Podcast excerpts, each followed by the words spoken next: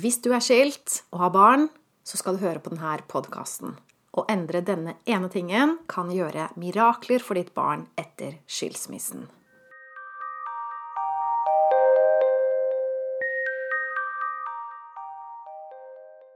Hei, jeg heter Line. Jeg jobber som personlig veileder, hvor jeg hjelper deg tilbake til sannhet, hvor livet er ekte og meningsfullt.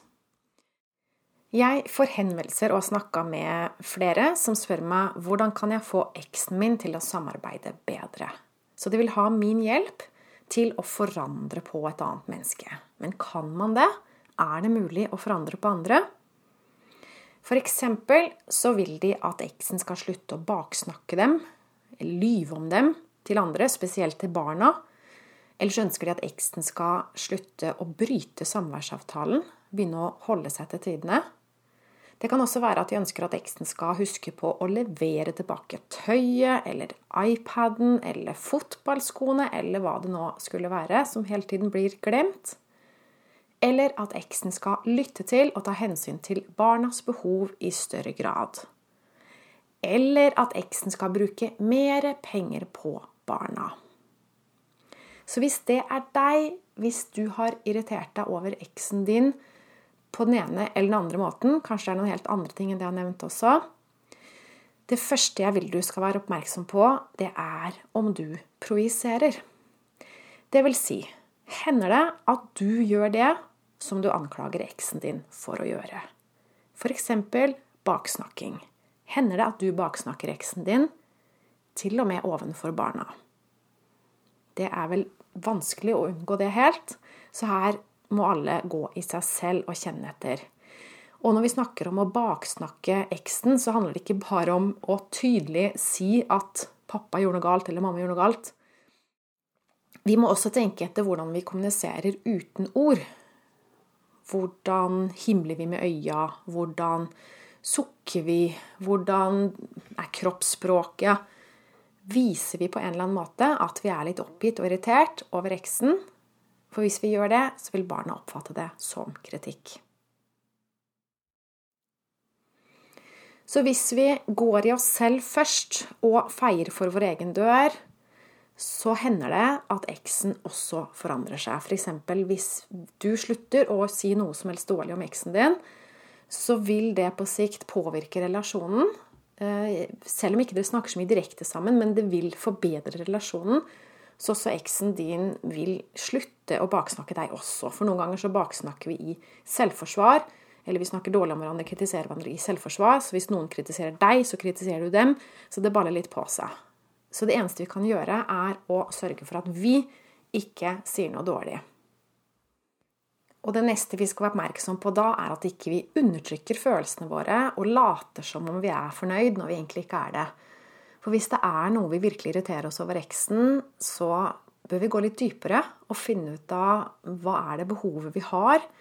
Eh, hva er vårt behov egentlig? Bli mer bevisst om det og få litt mer tak i hva vi selv kan gjøre for å dekke våre egne behov, eller beskytte oss, eller sørge for at ting fungerer bedre. Så det er ikke så lett å slutte å irritere seg helt hvis det faktisk er noe som gnager. Så vi må finne ut av det.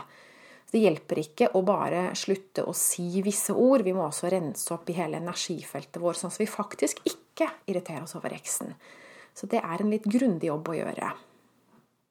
Så nummer én altså, pass på at ikke du projiserer og anklager andre for det du selv gjør. Og når det er sagt, så fins det også andre måter å forandre på andre på. For eksempel, jeg har jobba en del med Folk som skiller seg fra narsissister. Og det som gjerne gjør det her forholdet vanskelig, det er at man avgir narsissistisk forsyning. Det vil si at narsissisten klarer å påvirke deg negativt ved at du blir skamfull eller får samvittighet eller blir redd eller blir frustrert eller et eller annet. Og når du reagerer sånn på det narsissisten gjør, da avgir du narsissistisk forsyning. Det her kan ta litt tid å forstå hvordan ting henger sammen, men hvis du har vært borti det, så vet du hva jeg snakker om, at den andre får næring av dine vonde følelser. Og saken her er at jo vondere følelser du har, jo mer vil narsissisten plage deg. Så hvis du vil at en narsissist skal slutte å plage deg, så kan du gjøre det ved å forandre på deg selv ved å ikke avgi narsissistisk forsyning. Ikke reagere negativt på de tinga som blir sagt eller gjort mot deg. Og det er ikke noe enkel sak. Det her lærer jeg folk over et ti ukers online-kurs, og mange bruker lengre tid på det.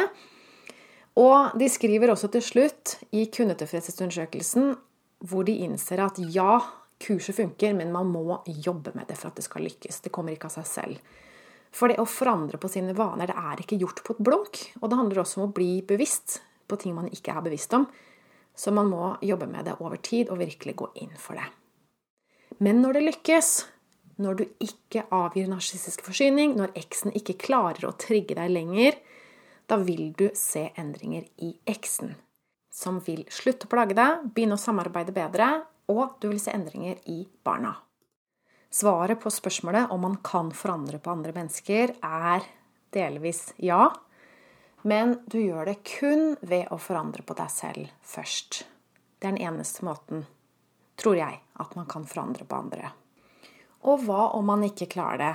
Hva om man blir sittende fast i offerrollen her og irritere seg over eksen? Hvordan vil det påvirke barna at vi ikke klarer å gi slipp på denne irritasjonen?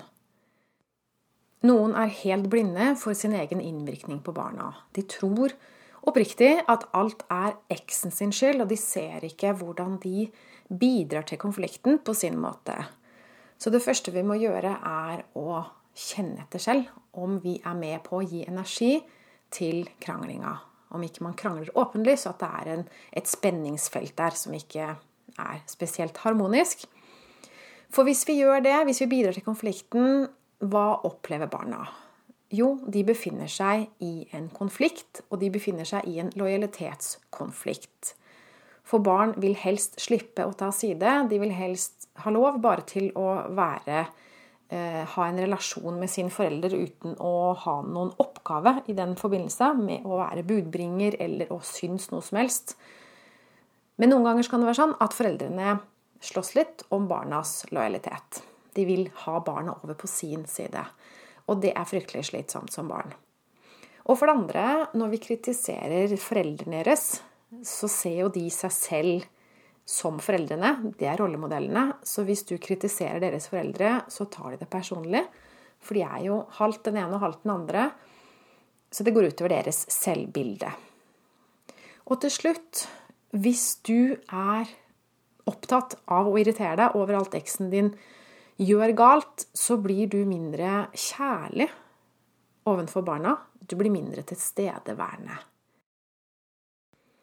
Så det er all grunn til å gå i seg selv og fjerne all irritasjon og maktesløs man har ovenfor eksen. Men hvorfor er det så vanskelig? Hvorfor er det så vanskelig å gi slipp på behovet for å kontrollere eksen? Og det kan være at man tror det er nødvendig for at man selv og barna skal få det bra. At man ikke ser Man er helt blind for hva man selv kan forandre på. Så at ser man den eneste måten er at eksen må forandre seg. Men det er ikke sant. Det er bare en blindhet, det er en ubevissthet. Det er fordi vi ikke har sett etter hva vi selv kan gjøre. Og det kan være litt skummelt også å gå i seg selv på den måten, men det er det eneste som funker.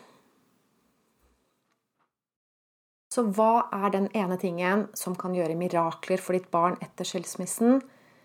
Det er å akseptere eksen som han eller hun er. Og gi helt slipp på behovet for å kontrollere eksen. Og i stedet snu seg om 180 grader og se etter hvordan kan man kontrollere sine egne tanker, sine egne følelser, sine egne reaksjonsmønstre. Hvordan kan man bli bedre til å ta vare på seg selv, og hvordan kan man bli bedre til å ta vare på barna gjennom det her. Det er det eneste som funker.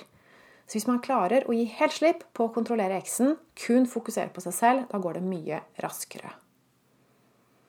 Så jeg spiller ballen over til deg.